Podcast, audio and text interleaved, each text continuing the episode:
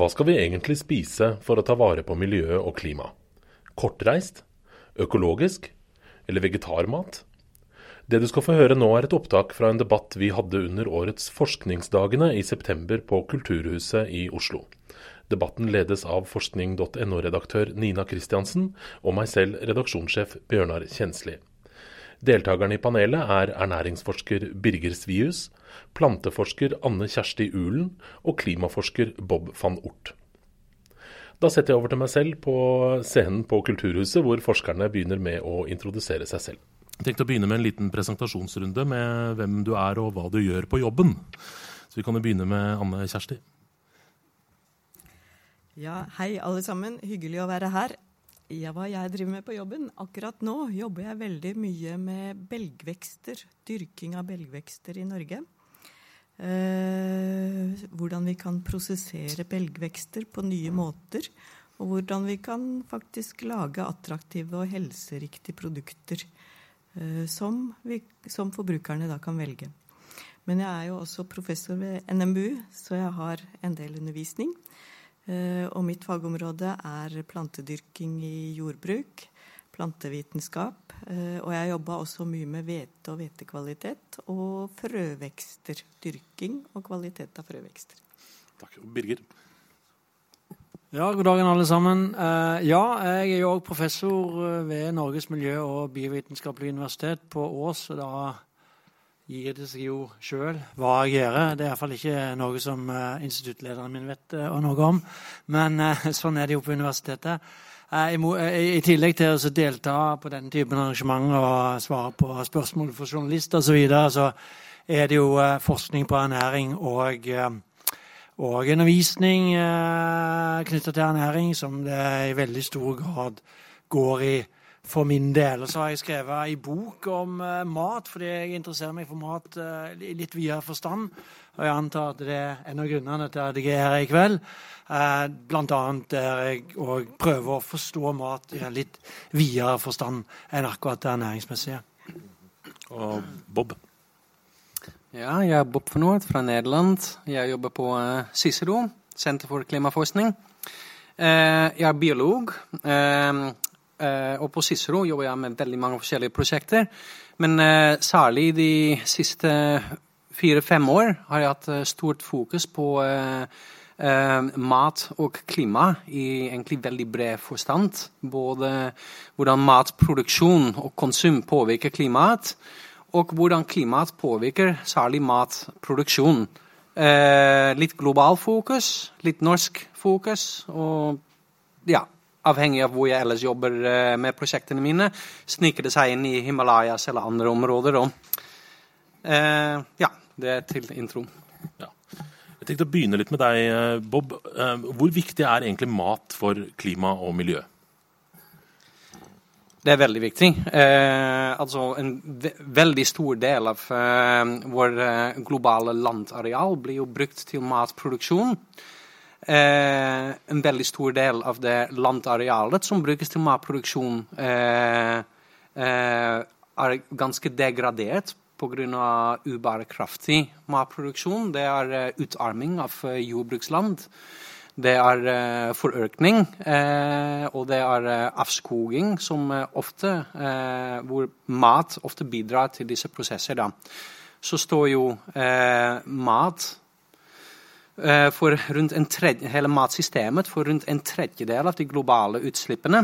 Eh, ser man bare på produksjonsdelen, så ligger det eh, altså Det blir egentlig slått sammen i en sektor jordbruk sammen med skogbruk og arealbruk. Så står det for rundt en kvart av de globale utslippene. Eh, men eh, mat påvirker, vår matproduksjon påvirker altså klimaet i en veldig stor grad eh, globalt, og også i Norge. Eh, I Norge står jo jordbrukssektoren eh, for rundt 8,5 av eh, de norske utslippene. Og det virker en del lavere enn på globalt nivå. Men det er jo delvis fordi jeg snakker om prosenter her, og vi har andre sektorer som står for en veldig stor prosentandel av de norske utslippene. Så da blir akkurat produksjonsdelen av mat lavere. Eh, så står jo Kanskje det er et litt langt svar, de må bare si kutt, og vi går til videre. Okay. så er jo eh, matproduksjonen og alle de miljømessige problemene det, det gir, står jo også for en, en stor eh, nedgang i biodiversitet. Eh, og så snakker vi om forskjellige gasser. Vi kommer sikkert inn på det seinere, så kanskje jeg slutter her. Hva er det som er verst? Altså, hvis jeg tenker på meg som nordmann, da, hva, hva, er de mest klimafiendtlige matvarene som jeg går og kjøper? Går det an å svare på det? Du spør meg? Ja. ja. Eh, I utgangspunkt er det kjøtt fra drøvtyggere som, eh, som man kan si klimafiendtlig. Men eh, eh, jeg ønsker ikke at vi kommer til å snakke om dette her egentlig som kyr er klimaverstinger, og andre typer mat er liksom redningen. Eh, fordi det ligger en veldig stor potensial i dette her òg. Vi kommer sikkert tilbake til det. Men eh, i hvert fall drøvtyggere pga. Eh, uh, maten måten de fordøyer maten på, Eh, blir det veldig mye eh, metangass av disse prosesser. Det er en del av historien. Og metangass er jo et veldig sterkt klimagass som på sin korte levetid, rundt tolv år, har en utrolig sterk oppvarmende effekt på, på klimaet. Eh, ved siden av metan eh, er det eh, karbondioksid, eh, som har med landbruksendringer å gjøre, for å, blant annet for å dyrke fôr til eh, husdyr. Og eh, så har man lystgass, som igjen også er en veldig sterk klimagass, som også lever lenge, akkurat som karbondioksid. og det lystgass kommer bl.a. fra, fra gjødsel. Så jeg vil si kjøtt fra drøvtyggere det har en veldig stor klimapåvirkning. Neste kategori eh, er eh, meieriprodukter. Det kommer fremdeles fra samme drøvtyggere. Så har man annet kjøtt. Eh, svin, kylling og fisk. Som, som, er egentlig mye lavere enn eh, det fra produkter fra drøvtyggere. Og så har man en fjerde kategori, som er eh, frukt, korn og grønt. Som har de relativt laveste utslipp. da. Ja. Tenker du på importerte greier da, eller uh, ting fra Norge, liksom? Eh, begge to. Ja. Uh, jeg vet ikke om Vi kommer helt sikkert tilbake til det òg, men transport har egentlig veldig lite å si på det totale avtrykket ja. som produkter har. Interessant. Ja, Anne Kjersti, vil du si noe? Ja, Nå kommer vi oss veldig fort inn i klimagassen og mye inn i, i kjernen her. Uh, jeg hadde egentlig lyst til å si sånn innledningsvis altså hvor viktig er mat for klima og miljø. Uh, og, og, jeg syns jo både som forsker og som mor at rapport på rapport fra FNs klimapanel eh, virker veldig alvorlig og, og skremmende for framtida.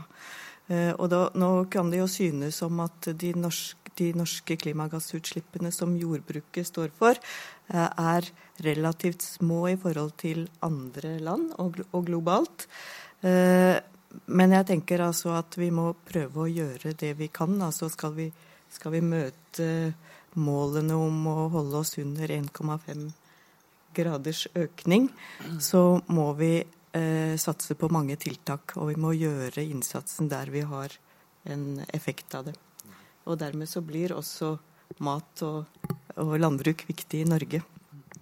Men jeg må bare forklare en ting. fordi det du sa at eh, altså Langt ned på lista så kommer jo alle disse grønnsakene som vi importerer fra hele verden. Altså Egentlig i dette landet burde vi bare spise poteter og kålrot ikke sant? og kanskje litt rips og solbær. Og kjøtt.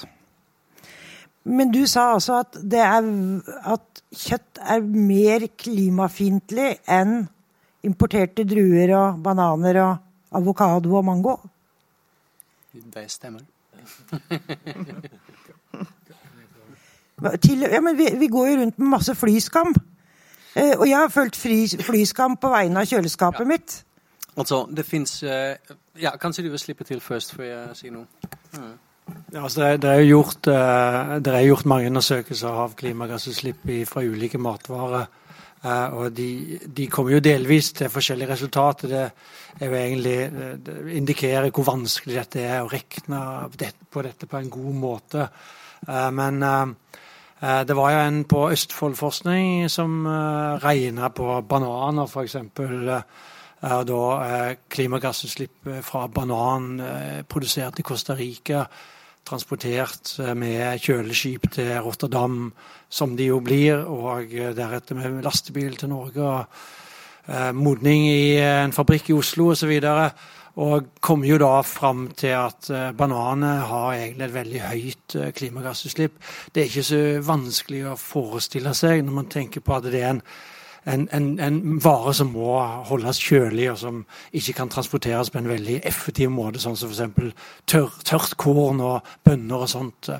Uh, og så, så, så, jeg tror nok det at uh, i tillegg til de du nevner, så, så vil jeg nok òg uh, nevnt en del eksotiske frukter, altså langveisfarende eh, frukter. Du må huske på at eh, disse inneholder 90% vann, ikke sant? så det er 10% næring i beste fall. Mesteparten det er jo for, for bananens del sukker.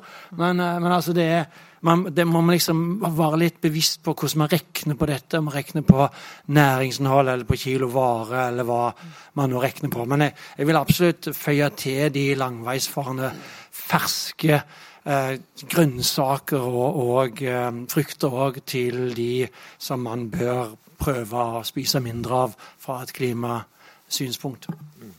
Men er du uenig i dette her, Bob, eller er det bare en utdyping av uh, lista di? Det er eh, altså det jeg forsøkte nå i første omgang, ved å kategorisere i fire grupper, det er for å forenkle eh, historien litt. Eh, fordi det er viktig, eh, syns jeg, for kommunikasjons skyld og for forbrukerne å ikke gjøre ting for vanskelig. Eller så står man i butikken og ser på hyllene hva må jeg spise. Er ikke sant? bananen verre enn akkurat den biffen eller hva noe. Så det er absolutt klart at det er veldig store forskjeller. Det ene biff er ikke det andre. Det ene gård er ikke den andre. Eh, det er veldig store forskjeller i eh, egentlig innenfor hver matvaregruppe. Eh, altså i Norge, for eksempel. biff fra Altså kjøtt fra, fra melkekyr, eller kombikyr, som, som, vi snakker om det, som produserer både kjøtt og melk. Den, den har jo en lavere avtrykk per kilogram kjøtt eh, enn eh, ammekyr, som bare produserer kjøtt. ikke sant? Men altså, selv om man tar disse variasjoner innenfor produktgruppene med, så er forholdene mellom de grupper er egentlig helt entydige. Man trenger ikke å komplisere det altfor mye. For det andre er jeg helt enig i at eh, for noen produkter som har en lang transportvei, som bananer som kommer med båt, klart det legger til på avtrykket. Men man snakker jo båttrafikk. Eh, her kan, snakker man om store volumer av mat, som, slik at utslippene av båten går jo de går, eh, blir spredt over all, altså den veldig store volumet som man transporterer. Så det blir relativt lave utslipp egentlig av den sjøveien. Det som legger til, er den kortere, den mellomdistanse, eh, lastebilveien fra Europa til Norge. Fordi eh, eh, lastebil har rundt ti ganger høyere utslipp enn eh, en båt. Så da, da plusser det raskt på. Eh, så det er, det er, nok det som legger litt til, eh, egentlig. Men utslippene selv, om man kan si at kanskje noen frukt har eh, høyere utslipp enn andre, kommer ikke i nærheten av kjøtt. Så, så, så enkelt kan det bli, egentlig. Og så kan vi si da at å kjøpe eh, norske sukkererter er bedre enn å kjøpe sukkererter fra Kenya. Å kjøpe og spise norske epler fra hagen er bedre enn å kjøpe de som ser så mye bedre ut, da, men som er liksom transportert fra et annet sted. Det, det er en enkel regel. Altså, jeg tror det, det, er veldig godt. Jeg er helt enig med Bob med at uh, man må gjøre forenklinger. Men man må ikke gjøre overforenklinger. For da faller djevelen ligger til i, i detaljene, ikke sant, som ofte. Um, og eh, et godt råd, vil jeg si, eh, det er det kortreiste frilansgrønnsaker og frukt. Altså, det, det, er generelt Det er målinger. Det er gjort en del sånne undersøkelser for Sverige. Sikkert flere enn jeg har oversikt over, men jeg har iallfall lest en del som, som viser at det, det, det grønnsaker og frukt produsert i Sverige og konsumert i Sverige har et relativt lavt avtrekk. Ikke så lavt som korn og andre uh, og belgvekster, men, men, fremdeles veldig lavt. Så det er et godt tips. Når vi snakker om de ferske matvarene med mye vann, så er det ekstra viktig at de har en transport, kort transportvei. Det er jo en grei og fin regel. Og så lurer jeg på en ting. fordi at I borettslaget mitt så har de begynt med sånne kasser. Så skal vi liksom plante og så og spise våre egne grønnsaker. Har det noe klimaeffekt, eller er det mer for å bevisstgjøre oss? Er det en gimmick, eller er det et klimatiltak?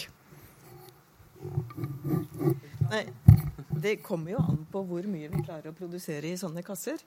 Uh, og hvor mye mat vi får ut av det. Men det jeg i hvert fall tror er viktig, det er jo at det er veldig mange som får et forhold til hva det vil si å dyrke mat og dyrke planter. Uh, og det tror jeg kanskje er en viktig ballast å ta med seg videre. At samfunnet blir mer oppmerksom på og faktisk har mer kunnskap om hvordan ting blir produsert, hvordan, hvordan maten blir til. Og med det så kommer også større engasjement. Og kanskje, kanskje, det, i hvert fall på nåværende tidspunkt, når, eh, når, vi snakker om urbant landbruk, så er det det viktigste poenget nå. Men da sier du også at det på en måte er litt gimmick. Mer gimmick enn klimatiltak. Et fint gimmick og et nyttig gimmick og veldig mye god mat og sånn, men det har ikke egentlig noe virkning. Ja, jeg, jeg, jeg ønsker å se hvordan den utviklingen kommer til å gå. Hvor mye arealer har man da faktisk som man kan bruke i urbane strøk. Eh, og, og, det er klart, eh, jeg tror nok at for mange produksjoner så vil en bonde som har større areal og en maskinpark, kunne dyrke det mer effektivt. Og mer effektivt kan også bety mer bærekraftig. Det tenker jeg det, det, er også en sånn nøkkelgreie, tenker jeg. i den der, fordi Skal jeg bare spise kortreist, eller skal jeg også spise um, importert mat? Importert mat er jo ofte, generelt sett kanskje, uh, store kvanta og fryktelig effektivt lagd, mens kortreist mat ikke er det. Uh, ja.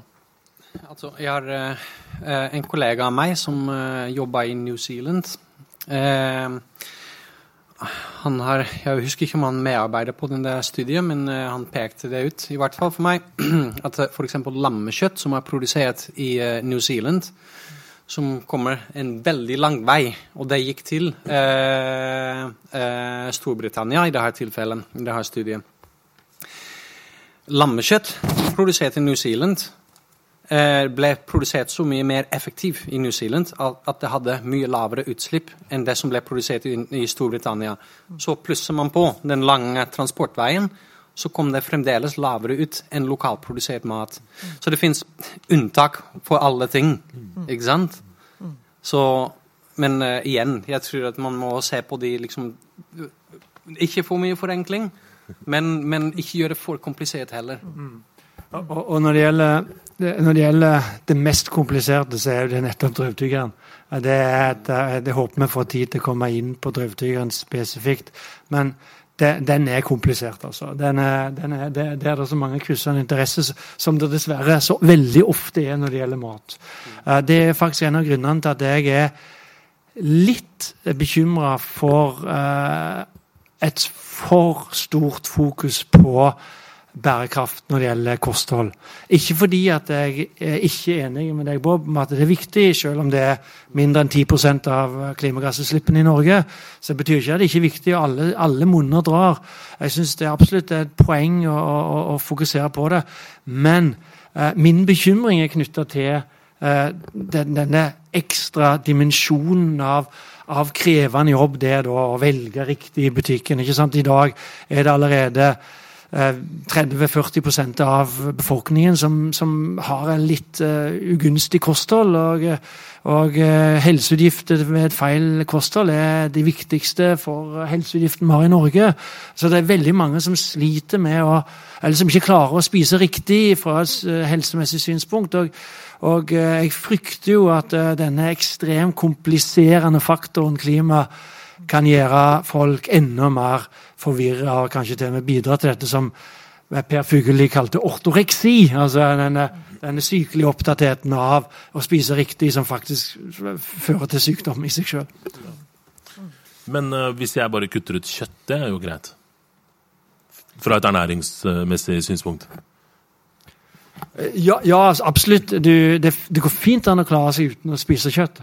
Um, uh, altså, ernæring, altså, så igjen, ernæring er i seg selv et komplekst uh, fagområde. Altså Fra et uh, vitamin- og mineralperspektiv så er det absolutt mulig hvis du spiser egg og, og, fisk og kanskje melk, så har du, får du Jeg vil ikke være bekymra for, for, om du får nok vitaminer eller mineraler.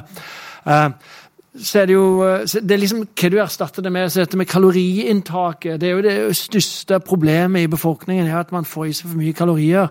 Det, det er en faktor der som, som, kompliserer, men det er absolutt mulig å kutte ut kjøtt. og eh, Hvis man erstatter det med de rette tingene, altså kortreiste grønnsaker, og korn og, og belgvekster, eh, så eh, kan det absolutt være et positivt bidrag eh, klimamessig òg.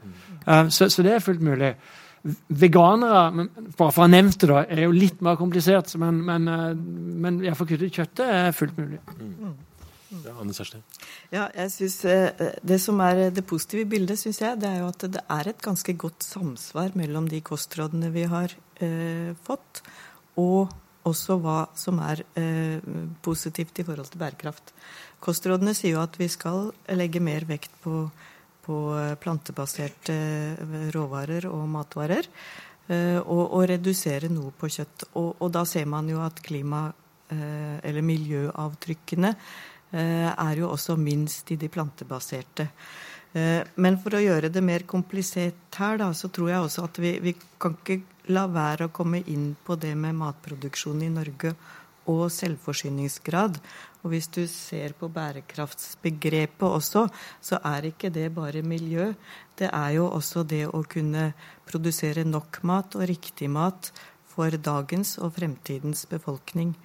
Eh, og med de fremtidsutsiktene vi ser, eh, og med klimaendringer som kan bli veldig dramatiske for oss, så tror jeg vel egentlig at ethvert land har interesse av å øke sin egen produksjon. Og da må man også inn og se på hva er det det ligger til rette for at vi produserer i Norge. Eh, og litt tilbake til det Birger sier om, om drøvtyggerne da. fordi at det er jo en gang sånn at vi har mye arealer i Norge som passer for gress og, og, og, passer for skog. Eh, og, og det er jo også tilfellet i en del andre områder globalt. og for å for å kunne eh, produsere nok mat til voksende befolkning, så må vi også utnytte drøvtyggernes potensial til å konvertere da gress til, til menneskemat. Så, så, jeg tror ikke vi må glemme den dimensjonen, men, men vi kan alltid gjøre det bedre.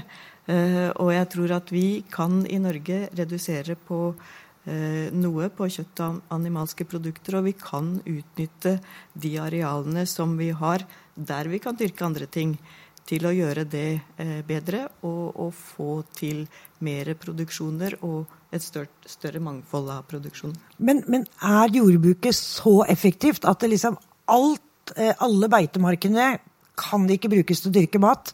Altså Litt det argumentet om at eh, beitedyra stjeler plassen eller, eller, eller jorda som vi kunne dyrka, vi menneskene kunne dyrka mat på. Mm. Er det sånn at hvis vi hadde bare fått litt færre kuer og sauer og geiter, så kunne vi fått opp eh, grønnsaksdyrking og korn og sånne ting. Ja, jeg, jeg føler, men det vi kan snakke om, er i hvert fall å se på de arealene der vi Det blir jo vesentlig de arealene vi dyrker korn på i dag. Da. Der, hvis vi kan på en måte la drøvtyggerne spise mer gress, nå kan du jo sikkert mer om det her, Birger, eh, og utnytte både grasarealene og utmarksarealene bedre, eh, få ned kraftfôrprosent, så kan vi jo da frigi Og vi har jo mye import av fôrråvarer, både protein og fett, til Norge. Eh, så, så, kan vi jo se på om vi kan gjøre det der mer optimalt. Mm. Fordi er jo, altså Der er det jo mye rett og slett sinnssyk eh, reising av ting. fordi at Først så liksom importerer vi soya til Norge som vi f.eks. gir til oppdrettsfisken, som vi så sender ut av landet for å få pakka, og så får den tilbake igjen til Norge for å spise den. Det høres jo ikke veldig sånn klimavennlig ut i det hele tatt. Kan jeg svare litt på ja, noen av de tingene som er oppnådd? eh, NIBIO, eh, forskningsinstitutt på eh, bioøkonomi, de forsker jo veldig mye på uh, hva som er mulig å dyrke uh, i Norge òg. De tar i betraktning jordkvalitet og klima og en del faktorer. Deler opp Norge i forskjellige områder, arealer. De har jo funnet ut at det tekniske potensialet bare ved å omdisponere områder eh, hvor det kan dyrkes mat, altså menneskemat, eh, ikke fôr. Ikke per i dag så er det potensial for å øke eh, potetproduksjonen fem ganger og grønnsaksproduksjon seks og halv ganger. Hvis vi skulle fått det til, så er vi selvforsynte på det. Eh, gressarealene, hvis drøvtyggerne eh, Altså egentlig altså 90% av hele landareal av, av det området som vi bruker eh, til, til, å produsere mat og fôr i Norge, 90% av det går til fôr og husdyr direkte. Det er et veldig lite andel, bare 10% som egentlig brukes til menneskemat direkte. da. Så her ligger det en veldig stor potensial. Eh, man kan si at eh, eh, den store andelen av kornproduksjon, rundt to tredjedeler av korn vi produserer, går til fôr. Det er delvis fordi kvaliteten på fôr er for dårlig til å være, til å være egnet, egnet, til menneskemat. Mm. Og når man sier korn, så er det jo flere typer korn. Man snakker òg eh, om det er hvete, det er bygg, det er havre, det er eh, rygg. Um, så det er veldig mange forskjellige typer korn. Ikke alt er menneskeegnet, kan man si. Mm. Uh, Samtidig er ikke denne to tredjedelen av kornet som går til fôr, er ikke bare klimabestemt. Det er også hva bonden klarer å gjøre med det av innsatsmidler. Eh, og den lille, den, den lille, forskjellen som bonden får tilbake egentlig når han produserer korn som mat eller korn som fôr. Det er nesten ingen insentiv for en bonde for å produsere det som mat. Og da, det er med i å bestemme akkurat hva kornarealene brukes til igjen. Og forslaget å ha eh, flere kyr og, og, sau for den slags skyld eh, på, gress, på de gressarealene som vi har, og la dem spise mindre kraftfôr. Det, klimamessig hadde det vært en ganske dårlig idé. Fordi det er akkurat kraftfôrandelen, å øke kraftfôrandelen, som har gjort at disse dyrene har blitt mye mer produktive. At det mye, har blitt mye lavere utslipp per enhet eh, kjøtt eller melk eh, produsert. Så kraftfôren har faktisk hjulpet til å få ned utslippene. Eh, I tillegg er eh, de bakterier Det er mange forskjellige bakterier i vomma. Akkurat de bakterier som bryter ned gress, det er de som produserer metan. Så det, her er det flere ting som spiller inn, egentlig. Men det, la oss si det store bildet igjen. Mange nyanser. Det store bildet igjen er eh, gress er ikke en, en klimaløsning, egentlig. For, for, å kommentere på det.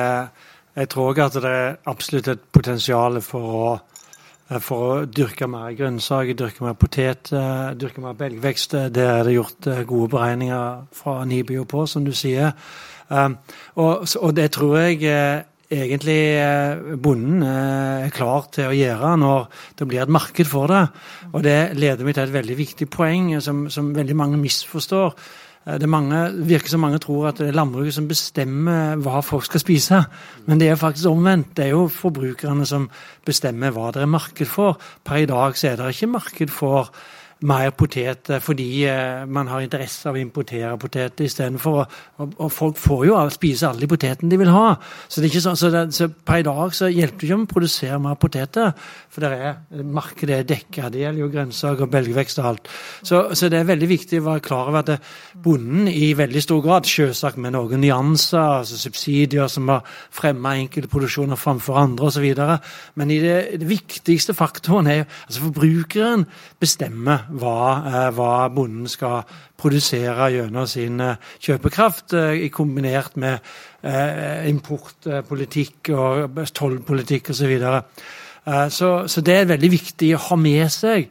Um, og, og, jeg tror uh, landbruket har jo vært med dette, dette, dette, dette, av, klimaavtalen med staten på at de er klar til å bruke de arealene som kan brukes i større grad til andre produkter når det blir et marked for det. Det er en veldig viktig nyansering. Når det gjelder drøvtyggeren og kaffe og gras og alt det der, igjen, eh, den så, jeg, jeg syns vi skal ta den for seg, for den er så kompleks at den krever en, en dedikert diskusjon bare på drøvtyggeren, tenker jeg. Så jeg vil ikke kommentere akkurat det nå. Men, men, men, det er jo ikke sånn i Norge at det er markedet som bestemmer alene. Altså, vi har jo subsidier, og vi har jo lover og regler, og vi har jo et ganske sånn sterkt førende mm, statsapparat som forteller oss hva vi bør spise, og bruke mye ressurser på det. Og en ting til er jo også at markedet er i ferd med å endre seg. Altså Hvis du ser på unge folk i dag, så er det jo nærmest en folkebevegelse mot eh, eh veganisme, vegetarisme og fleksitarisme fleksitarisme Nei, fleksitarianisme. fleksitarianisme. Og det har jo du eh, sett på, Anne Kjersti. Man, ja, altså ja. Vi, I prosjektet jeg jobber med nå, så har vi jo, har jo um, Oslo Met, SIFO, sammen med Nofima, de har gjort en ganske stor undersøkelse. Og de ser, at, de ser faktisk at eh, andelen veganere er faktisk ganske stabil i Norge. Men det som endrer seg mye, det er de her fleksitarianerne. og, og eh, deres rapport sier at ja, fire av ti nordmenn er villig til og, og har ønsker om å redusere på kjøtt og, og gjøre det regelmessig i sitt eget kosthold. Eh, vi har vel også sett at det har kommet en hel rekke nye produkter i dagligvarekjedene. Eh, ingen har vel unngått å, å, å se det. En endring som har skjedd veldig raskt, egentlig, fra 2014, 15, 16 og, og til i dag. Og vi har jo sett at det, det ser nesten bare ut som det øker og øker. Det eh, vanskelig å ha noe tall over, over, salg. Fortsatt så utgjør jo de her kjøtterstatningsproduktene, som det ofte blir kalt, da, lite i forhold til hva vi spiser av kjøtt. Men, men vi ser det jo egentlig eh, ganske tydelig, og, og også i store husholdninger, kantiner, så legger man ofte opp til en kjøttfri dag i uka, f.eks. Eh, og de går ofte foran og gir gode eksempler som eh, de ansatte egentlig kan også prøve ut hjemme. Så jeg, jeg, jeg, tror at vi kommer til å se en endring. Hvor stor den blir, er jo ikke så lett å si, men, men at det er noe som endrer seg nå. For jeg fant en, noen tall fra 2005. Ja. Eh, og det var også SIFO som hadde funnet ut at da var det 11 Eh, av jenter mellom 18 og 29 år. For det, de, det er alltid jenter mellom 18 og 29 mm. som er skeptiske til kjøtt. Ja. Og den gangen, altså for 14 år siden, så var det da 11 ja. som var helt eller delvis vegetarianere. Jeg tenker, er du delvis vegetarianer, så er du jo ikke vegetarianer. Mm. Men det er greit. Mm. Eh, men 11% Og jeg vil jo tippe at det er mye høyere i dag. Og så fant jeg også sånn at hvis vi kommer opp i 20 mm. så sier trendforskerne at da følger resten av oss etter. Altså 20% er det der magiske tallet. Mm. For at hvis så mange gjør det, så følger resten av oss etter. Men er det noen som veit hvor mange vegetarianere det er i dag? Nei, altså jeg, Hvis jeg husker riktig, så er altså veganere er nok lavere. Eh, og det SIFO sier, er at de har ligget stabilt de seinere åra, i hvert fall da. Eh, men at fleksitarianerne, de øker. Og de øker hele tida. Uh, og så er det en annen litt artig ting som kom fram i den undersøkelsen. fordi at uh, de hadde jo veldig mange spørsmål, og det gikk jo ikke bare på plantekost og kjøtt, men det gikk jo også på fisk og, og andre ting.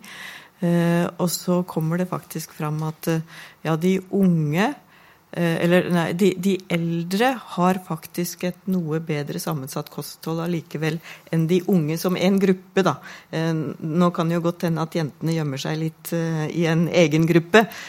Men det de ser, er at de faktisk de, de, helt unge, de, de, spiser faktisk mer kjøtt totalt sett. Og, de, og, og de er dårligere til å spise fisk. Men, altså, det, det, det, finnes jo veldig gode, Takket være vår, vårt importvern så er det veldig gode tall for, for forbruk av animalske produkter i Norge. Og De, de, jo, de stiger riktignok ikke lenger, men de går heller ikke nedover. Så, det, så de ligger veldig jevnt. Så, så det, illustrerer uh, dette viktige forskjellen mellom det man får inntrykk av, det folks intensjoner og faktisk eh, forbruk. Det ser vi òg i forhold til økologisk og en rekke andre ting, der folk eh, svarer mye mer eh, konklusivt på endringer enn det som i realiteten skjer. Jeg tror det er viktig å forstå Eh, at eh, det er ekstremt krevende å få folk til å endre kostholdet, på godt og vondt på mange måter. Og jeg tror at eh, ganen må ikke undervurderes. Altså, vi, er ikke villige til å, å, å kompromisse på smak. Altså, se på, se på, på altså, fullkorn, sikta hvetemel-tema. Eh, i, i, vet ikke hvor mange år, 20 år minst, så har alle vært enige om at det, hvis du skal spise korn og så er det litt uenige om hvor mye korn du skal spise, men hvis du skal spise korn, så bør du spise fullkorn. Det er både mer næringsrikt, altså mer vitamin og mineraler, og mye mer bærekraftig. ikke sant? For Da kaster man altså 25% av kornet når man produserer sikta hvetemel. Heldigvis har vi husdyr som spiser det, så det blir til mat uansett. Men, men altså, til tross for det så er det altså 75 ca. av kornet vi spiser i dag, er sikta hvetemel. Altså, bare 25% er fullkorn.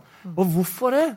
Altså, Jeg vet ikke, men jeg regner med det er smak. Altså, Brødet blir ikke så luftig og fint. Og uh, pastaen liksom For ikke snakke om vaflene, altså sånne sunne vafler. Ja. ikke så gode, altså.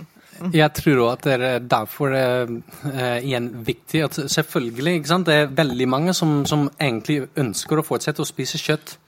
Derfor må vi ikke snakke om, om, kjøtt som er en stor gruppe, fordi vi vet at det er veldig store forskjeller i utslipp for forskjellige typer kjøtt. Eh, vi har jo sett i kjøttutviklinga hvor mye kjøtt vi spiser per capita. Eh, det har jo fordoblet seg eh, siden 60-tallet.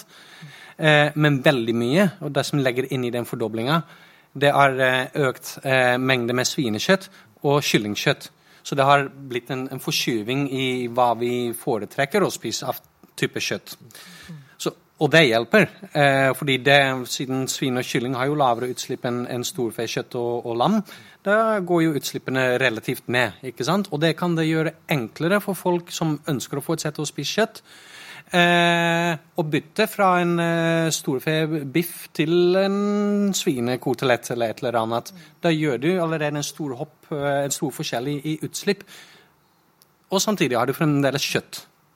Men hva med det å utnytte dyra bedre? Altså spise, det er jo lettere for meg å gå på butikken og kjøpe Scampi fra andre siden av jorda enn det er å kjøpe innvoller, f.eks. Eh, fra et dyr. Eh, eller for ikke å snakke om høns. Det er jo nesten umulig å få tak i. Det er jo lettere å få tak i mango, liksom. Eh, har det mye å si? Altså, har, har det mye å si hvis vi utnytter dyrene bedre? Er det, er det bra for klimaet, liksom? Ja, nei, altså det er så klart. Jo mer man utnytter, jo, jo mer av produktene man, man bruker, så, så, så, trenger du ikke å produsere noe alternativt eh, for det. ikke sant? Så, så klart det hjelper. Ja, mm. ja og det, det, Når det gjelder ut, utnytting av dyret, så, er det jo, det er jo klart at uh, husindustrien har like stor interesse, kanskje enda større interesse enn forbrukeren i å utnytte dyret fullstendig. Det er jo penger i det. ikke sant? Altså, kan, du selge, eh, kan du selge hele dyret, så, så tjener bonden og, og, næringsmiddelindustrien mer penger. Så, og man er veldig flink til å utnytte hele dyret i Norge. Eh, men så er det noen produkter som er vanskelig å bli kvitt. Lever, for eksempel, fordi vi ikke spiser Det er liksom leverpostein, da. Men vi spiser ikke steikt lever sånn som mor mi lagde, med ertestuing lenger. Uh, så, det, noen produkter er vanskelig å, å bli kvitt. Hønene, altså utrangerte verpehøner, er kun uh, ca. en million, nei, mindre enn en million av de fire millioner hønene som utrangeres hvert år, blir til mat. Resten kastes. Bonden må betale 20 kroner for hver høne bonden ønsker å bli kvitt. Eh, bonden og, og, og, næringsmiddelindustrien skulle så gjerne sett at eh, forbrukerne var villige til å kjøpe høner. Men de har prøvd flere ganger fordi det blir kritisert flere ganger for dette. Men forbrukeren er ikke interessert. ikke sant? Altså, om det ikke høna er god nok, eller om det er bare for lang tid å tilbrenne, vet ikke jeg. Men, men iallfall her så har alle en felles interesse. så det er ikke det, det, det, så lenge det er mulig å få noen til å kjøpe det og spise det, så vil, så vil det bli brukt. Um, men så har man jo, bare for å nevne sånne, noen dilemmaer For det er mye sånne misforståelser når det gjelder mat. Jeg vet ikke om noen av dere som kjenner begrepet MUK, MUK, mekanisk utbeina kjøtt. Uh, for noen år siden så var det liksom voldsomme skriverier ved det. Det var noe skikkelig svineri. ikke sant? Det var Kebabkjøttet, det. Uh, forferdelige greier osv. Men det var faktisk en, et eksempel på en ekstremt effektiv utnyttelse av f.eks. kyllingkjøttet. Der man tok, etter å skåre av kjøttet av beina, så sentrifugerte man beina, så man rei liksom de siste slintrene av beina og fikk ei gørre som jo var et kjøttprodukt, som heter mukk. Og så brukte man det f.eks. i kebabindustrien og medister og sånn. Men det var liksom galt igjen, da. Så, så, her er det jo viktig at forbrukeren er bevisst på at, eh, at hva det betyr, og hva, hva liksom, konsekvensene og eh, for næringsmiddelindustrien. Så det er viktig at ikke tenke at næringsmiddelindustrien er sånn slem eller kriminell. Altså de, de ønsker òg å utnytte hele dyret akkurat som alle andre. Det er ganske mye mer trendy å spise en kortreist nyre enn å spise en kyllingnugget, liksom? Selv om det er, det er, samme greia, mener du? Altså, er, god utnyttelse av dyret er, eh, er viktig uansett. Ja. Ja. Mm. ja. jeg tenker at nå, nå, var vi litt inne på at det var vanskelig å endre kostholdet. Uh, men så er det på mange måter så er det ikke så fryktelig vanskelig heller, da. Uh, fordi at jeg tenker uh, Dere har sikkert sett på TV Du ser en middagstallerken. Ja, halvparten skal være grønt. Altså det å redusere litt på den kjøttbiten det å fylle opp litt mer med en fargerik og, og flott salat eller grønnsaker. Eh, det å være litt bevisst på det. Og fortsatt så har vi langt igjen før vi når de kostrådene vi har i dag. Eh, det syns jeg kan være førstemål. Eh, og nettopp sånne ting, at man legger til seg gode vaner, er bevisst, ser også på nye måter å prosessere grønnsakene på, kan jo være viktige her, da. Men, men, jeg skjønner ikke helt hvorfor dere hele tida sier at det er så vanskelig å endre på markedet eller befolkningen eller forbrukerne. Fordi vi har jo endra oss veldig i Norge. Hvis du ser, altså, Jeg husker min gamle svigermor som nå er død. Hun hadde vært 100 år. Jeg husker Hun fortalte at hun, hadde, hun smakte på sin første appelsin. Da var hun, da var hun 20 år. Ikke sant? Hun bodde riktignok litt sånn øde oppe på Vestlandet, men da var hun 20 år og spiste sin første appelsin. Jeg husker jeg sånn på slutten av 70-tallet dro til USA. Og da var det jo massevis av matvarer jeg aldri hadde Jeg skulle lagd en sånn liste. Vannmelon, avokado, taco. ikke sant? Det var jo helt nye ting. Så hvis du går bare sånn ja, 40, 50, 60, 70, 80 år tilbake i Norge, så, så har jo det har jo skjedd massevis med hvordan vi spiser, og hva vi spiser. Så hvorfor med og det er jo fordi vi har fått penger og muligheten. Så hvis du da adder på litt klimabevissthet, hvorfor ikke hvorfor, vi, hvorfor, tror dere at vi ikke kommer til å endre oss? Og kanskje til og med også endre oss raskt, for 20-30 år er jo raskt i denne sammenhengen. Hvis jeg kan få kommentere det. Det, det, det er lett det, det, det, er fullt mulig å få til kostholdsendringer så, så, lenge det går til noe som smaker bedre. det er jo jævla godt med appelsin og banan og, og, andre eksotiske frukter. ikke sant? Og avokado. Deilig. ikke sant? Så, så det, utfordringen er når, når man skal endre på noe som er litt sånn mer utfordrende smaksmessig. Spises okselever ikke sant, steikt i panna. Nyre, f.eks. Jeg husker ennå lukta av urin når mor steikte nyre i panna. ikke sant, altså, så det er, liksom, det er liksom mer krevende når man må liksom ta noen runder med seg sjøl rent smaksmessig. Og der tror jeg, det, det tror jeg er veldig viktig. Og nettopp der er det en veldig viktig sånn take home message til hele næringsmiddelindustrien. At man må jobbe med smak. Mm. Uh, man ser det, man har klart å få en reduksjon i sukkeret. Det er jo veldig vanskelig, for sukker er jo vanvittig godt. ikke sant? Uh, og, og grunnen, viktigste grunnen til det det er jo kunstige søtningsstoffer. ikke sant? Altså At man får noe som smaker som sukker, men det ikke er sukker. altså Man har på en måte hoppa lurt med lurer forbrukerne. De får samme smaken som de vil ha. Eh, samme med lettmargarin og andre produkter som som etterligner dette. På kjøtt så har jeg voldsom tro på eh, gode kjøtterstattere. Vi forstår kjøttets kjemi. Vi klarer å, eh, reprodusere kjøtt i fabrikken. ikke sant? Altså, så klarer man å få noe til å smake som kylling som ikke er kylling, og som er mer bærekraftig. Så det er flott. Da har man oppnådd noe. Og folk trenger ikke kompromisser på smak. For man må innse at det er Da blir det veldig vanskelig. Du, du snakka om sukker. Jeg vil bare ta uh, Gitt den organisasjonen uh, til hun uh, Stordalen, de skriver at vi må kutte sukkerforbruket vårt med 50% Er sukker veldig klimafiendtlig? Sukker er blant det mest bærekraftige du kan spise. Dessverre. er jeg si. Dessverre.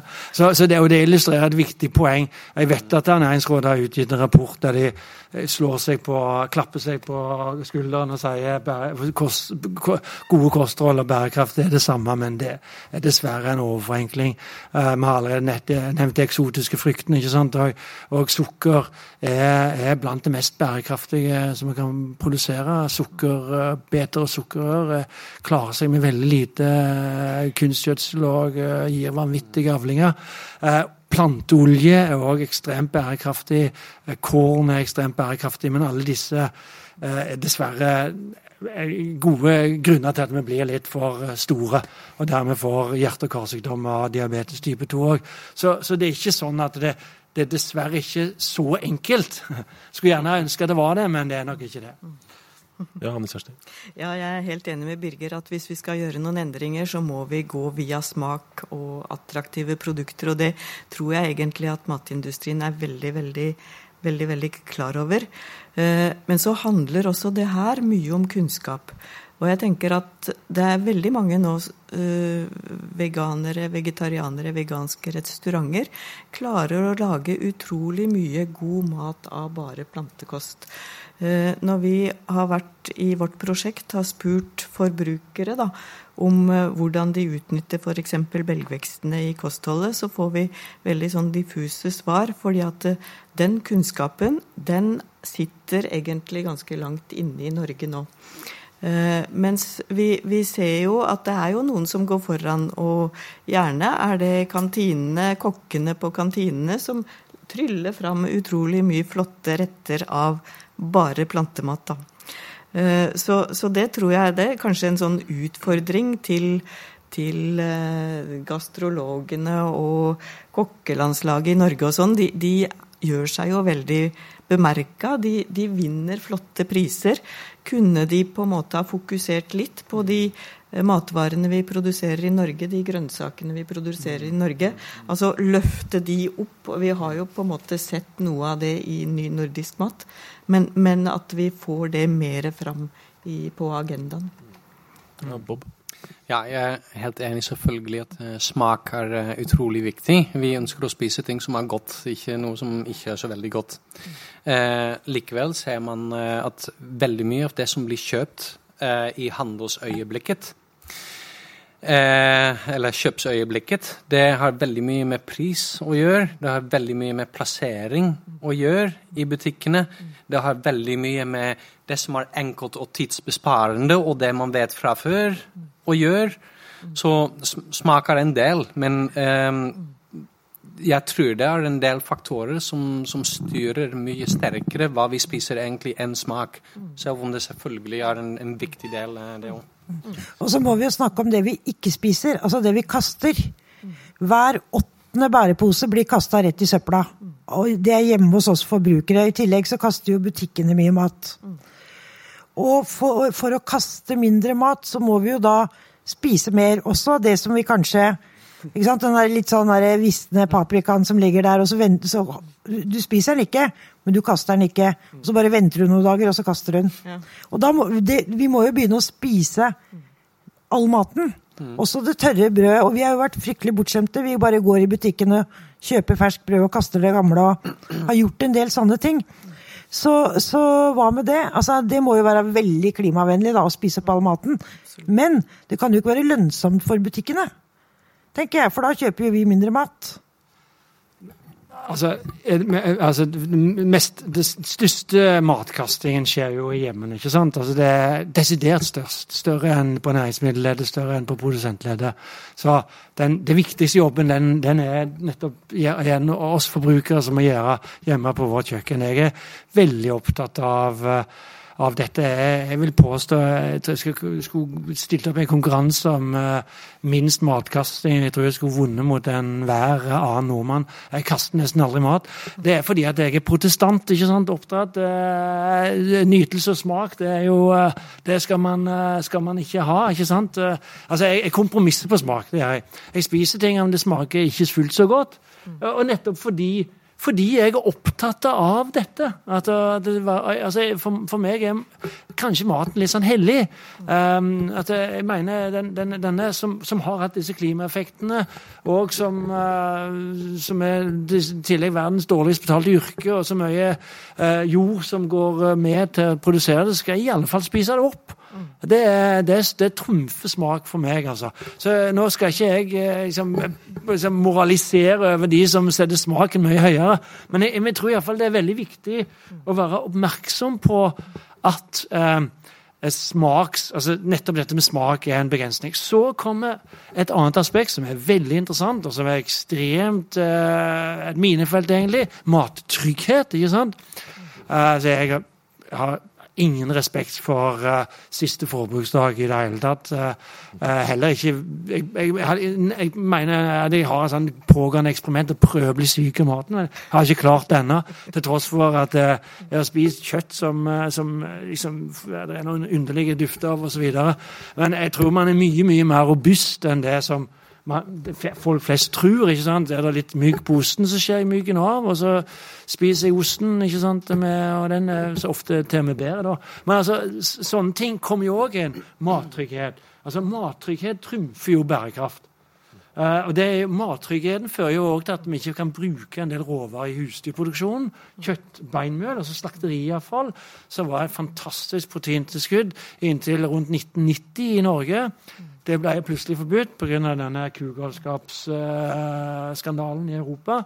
Og dermed så er det millioner av tonn av høyverdig eh, fôringrediens som nå må erstattes av soyabønner fra Brasil. ikke sant?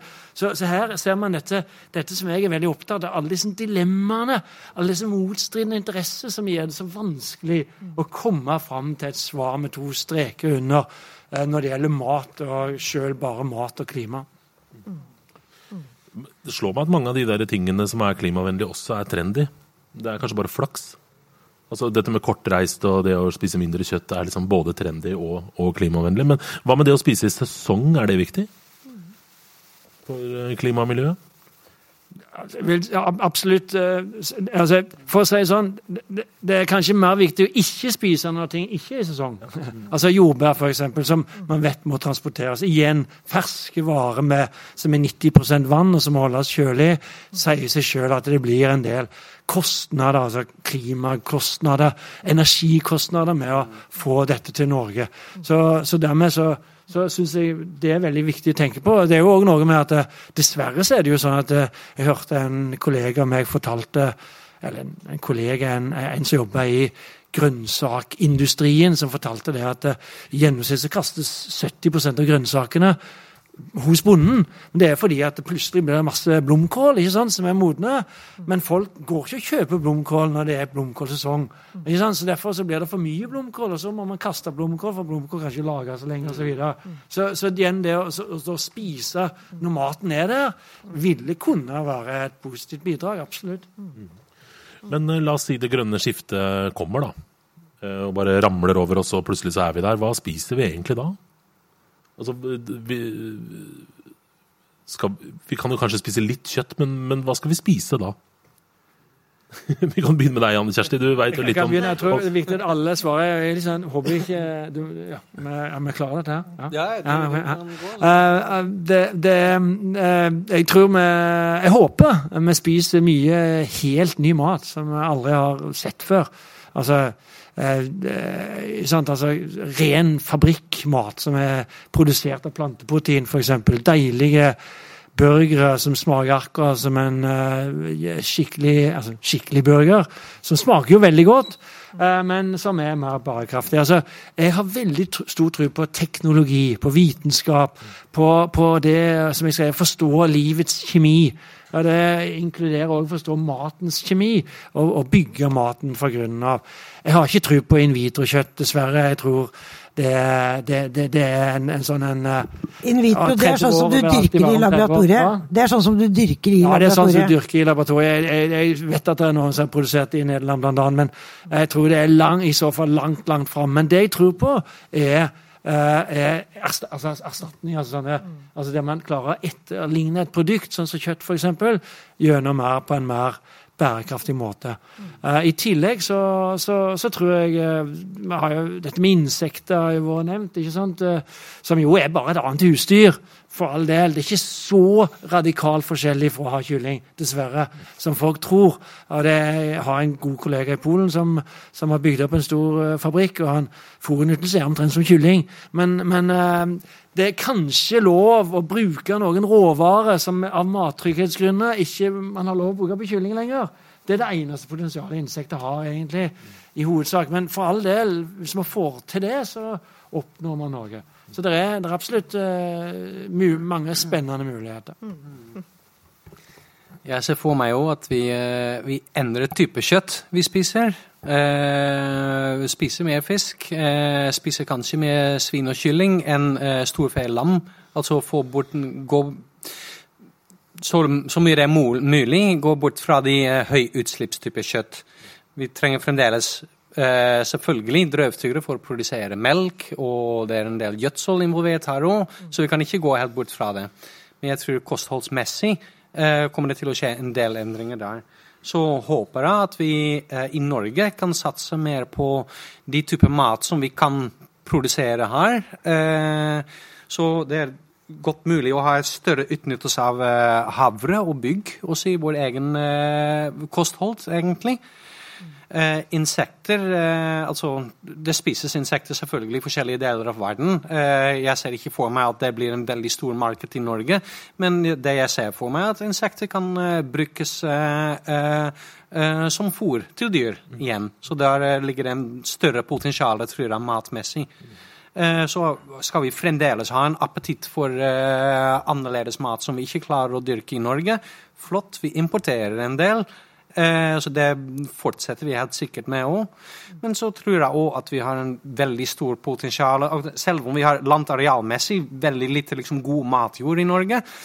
Vi kan dyrke mye mer grønnsaker enn vi gjør Og Vi, vi, kan ha veksthus i Norge som vi teknisk sett kan plassere hvor som helst. Som ikke trenger god matjord. ikke sant? Eh, vi har eh, relativt ren energi, eh, grønn energi, i, i Norge. Så da trenges det ikke å ha veldig høye utslipp med en større utvalg av type grønnsaker som man per nå må importere. Så jeg tror det ligger mange muligheter i framtida. Og så har vi jo eh, Du jobber i et prosjekt som, som med noen norske matprodusenter som utnytter f.eks. poteter for å lage type vegetarburgere og sånn. Altså sammen med belgvekster en fin blanding av det. Så jeg tror det, det, er store muligheter å utnytte norske råvarer mye bedre enn vi gjør per i dag. Og vekstforholdene eh, egner seg eh, godt til mye som vi egentlig ikke utnytter så, så ja, godt som vi gjør per i dag. Mm. Mm. Ja, jeg, nå er mye sagt her, men jeg tror at vi kommer til å dyrke mer belgvekster og bruke det til mat. Eh, og at det blir en, en viktig proteinkilde i tillegg til de andre. Um, uh, mer grønnsaker, ja. Uh, og utnytte, ja. Vi kan uh, utnytte arealene våre bedre til å produsere matplanter. Eh, det er interessant det som trekkes fram rundt eh, kan vi produsere mer i veksthus. Ehm, og, og, da kanskje hvis vi klarer å få til sånne gode kombinasjoner, altså overskuddsvarme som produseres altså nå, nå kommer jo også de her basestasjonene til Microsoft og sånne ting, som er veldig energikrevende og, og, og avgir varme, da. Eh, og jeg har allerede fått noen spørsmål fra, fra veksthusprodusenter om det. Og så, og så tenker jeg at det er viktig at vi utnytter eh, plantene eh, godt ved å eh, prosessere dem på nye måter og i blandinger heller enn aleine. For det gir jo da også en mer komplett aminosyresammensetning og mange andre fordeler. Og vi kan da også bruke kornartene til å produsere andre produkter enn brød. Eh, og da kan vi også bygge, bruke mer bygg og havre. For, fordi at Er ikke problemet med disse vegetarproduktene at alle ingrediensene produseres i utlandet? Bare egg altså, egg, De fleste vegetarprodukter er egg, soya, gluten og erteprotein. Ja. Og av det så er det bare egga som er norske, og resten importerer vi. Ja, og, det... og, det... er det du jobber med, ikke sant? At vi skal få opp noen erteprotein og belgvekster i, i Norge? Norsk produksjon. Eh, det er helt riktig sånn som du sier. Alle de her produktene vi finner nå i dagligvare altså Noen av dem kan jo være produsert i Norge, men planteproteinene er importert. Og det kan jo være soya, det kan være erteproteiner, det kan være åkerbønner, det kan være andre mm. ting. Så, så, det å kunne gjøre, utnytte våre arealer og bruke de belgvekstene vi kan dyrke i Norge. Fordi så vidt jeg skjønner, så jobber du med åkerbønner, ikke sant? Ja. Hva er en åkerbønne? En åkerbønne, ja. Det er en belgvekst. Eh, og det, er, det ble dyrket i Norge i, eh, på 50-tallet og før det, og det ble brukt til mat. Men, men, den har jo Folk vet jo ikke hva det er. Eh, men, men i forhold til erter, da, som de fleste kjenner, vet hva er, så er det en plante som faktisk eh, produserer enda mer protein, og som faktisk får et enda lavere miljøavtrykk. da. Ok, Legg merke til det, folkens. Åkerbønner det sitter vi her og knasker om ti år. 15 år, ja. Men ingen av dere nevner havbruk. Og jeg veit ikke hvor mange artikler vi har hatt på forskning.no som er sånn Dyrking av tare, nye ha, Altså havet skal gi oss helt nye produkter, vi skal begynne å spise nye ting fra havet. Er dere landsens mennesker, eller bare glemte Nei, dere? Jeg glemte det. For jeg hadde, jeg hadde egentlig mikroalger på lista mi. altså Det mm. kan være noen potensialer der. Og hva er en mikroalge? Ja, Da er det encella alger som kan dyrkes da i reaktorer. Eh, og de kan ha både Enten så kan du eh, dyrke dem sånn at de får et veldig høyt proteininnhold, eller de kan også få et høyt fettinnhold. Så da smører vi mikroalger på åkerbønna og koser oss. Ja, blanding eh, kan være positivt. Ja. Mm. Det, det, det, er mye spennende innovasjonsprosjekter rundt dette, inkludert på mikroalger. Det, som, det som man ikke må glemme, det er hvor uh, effektivt jordbruk er. Altså, det er veldig vanskelig å konkurrere med jordbruket. Det er, ikke sant, Jorda er der, du får en, et produkt som, som, du kan høste, og så kan du spise det omtrent. Mikroalger, ikke sant? du må enormt mye vann du må bli kvitt, og det koster mye å bli kvitt vannet og høste det osv. Um, eh, for makroalger er jo noe annet som man har vært veldig interessert i, og det høstes jo en, hva er det, 150 000 tonn eh, med makroalger hvert år langs kysten. men det er jo kontroversielt fordi eh, sant, Kystens økosystem er jo òg trua, som så mye annet er trua her i verden. Eh, og disse algene må ha vært festa til noe, så de kan ikke være midt ute på havet. det kan man hvis man setter ut sånne svære installasjoner de kan vokse på, men til gjengjeld er det ikke noe næring i havet så langt ifra land. ikke sant, så de, de vokser ikke. Så jeg tror nok, selv om det er spennende, så, så er, det, er det vanskelig å få det Eh, til å fungere i praksis. Kanskje det er et fôrproduksjonspotensial altså av alger ferskvann. altså sånne ja, altså, hva heter det, ande, andemat og den type ting. I store, i Mjøsa f.eks. kunne vært noe. Det hadde vært undersøkt. Eh. Når det gjelder havet, så er det jo viktig å understreke Du, du nevnte jo fisken òg, men du nevnte tidligere dette, nyansen når det gjelder fisken. Det er ikke, dessverre ikke så enkelt som å kutte kjøttet og fortsette å spise fisk. Fisken er like kompleks og kontroversiell som kjøttet på mange måter. Altså Torskefiske med trål eh, bruker vanvittige mengder råolje i å dra denne trålen langs bunnen, og trålen gjør store skader på havbunnen osv. Så, videre, og så, videre. så, så, så det er ikke sånn at eh, fiske nødvendigvis er bærekraftig heller. Det er ikke så mange av de heller igjen. Eh, men eh, hvis jeg skal si noe, så vil jeg sagt sild og makrell, som har vist seg å gi et mye lavere utslipp. Det er rett og slett fordi dette er pelagisk. altså det er fisk som du kan finne med moderne teknologi, og så bare hiver du nettet rundt, og så whoop, tar du en 10 000 tonn med fisk i et uh, svøp, og så kjører du rett inn til fabrikken. Så, så, så, så, pelagisk fisk i mange tilfeller, makrell og sild i Norge, har vist seg å gi relativt lave klimagassutslipp. Så makrell i tomat, folkens.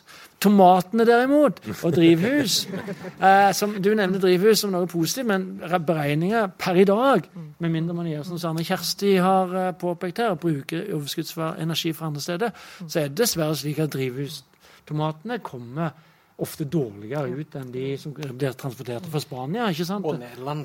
Ja, ja, ja ikke sant?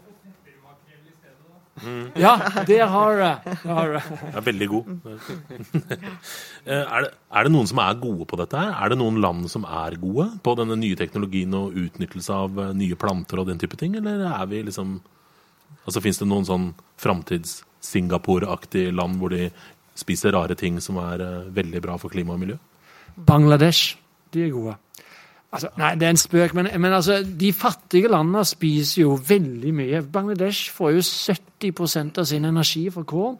Og det, De får jo for lite av, de, av kjøtt og grønnsaker, så de har jo ernæringsmessige problemer. Men, men fattige folk altså, i fattige land har jo i gjennomsnitt mye mer bærekraftig kosthold klimamessig, selv om det er jo dessverre for bærekraftig, kan man si. Altså Det er for lite vitamin og mineraler osv. Og, og for lite protein.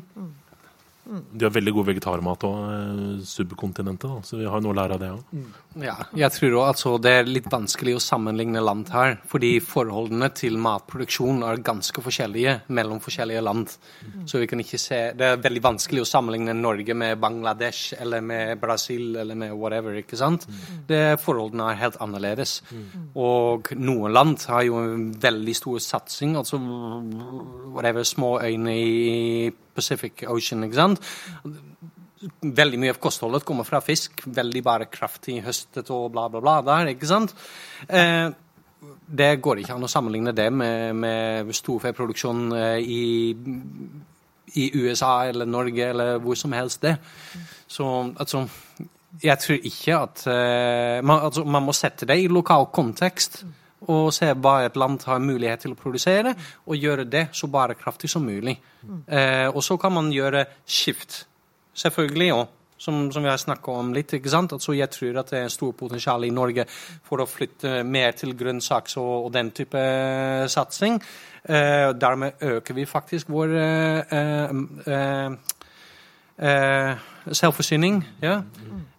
så altså jeg, jeg, satser mer på sånn type ting. Ja.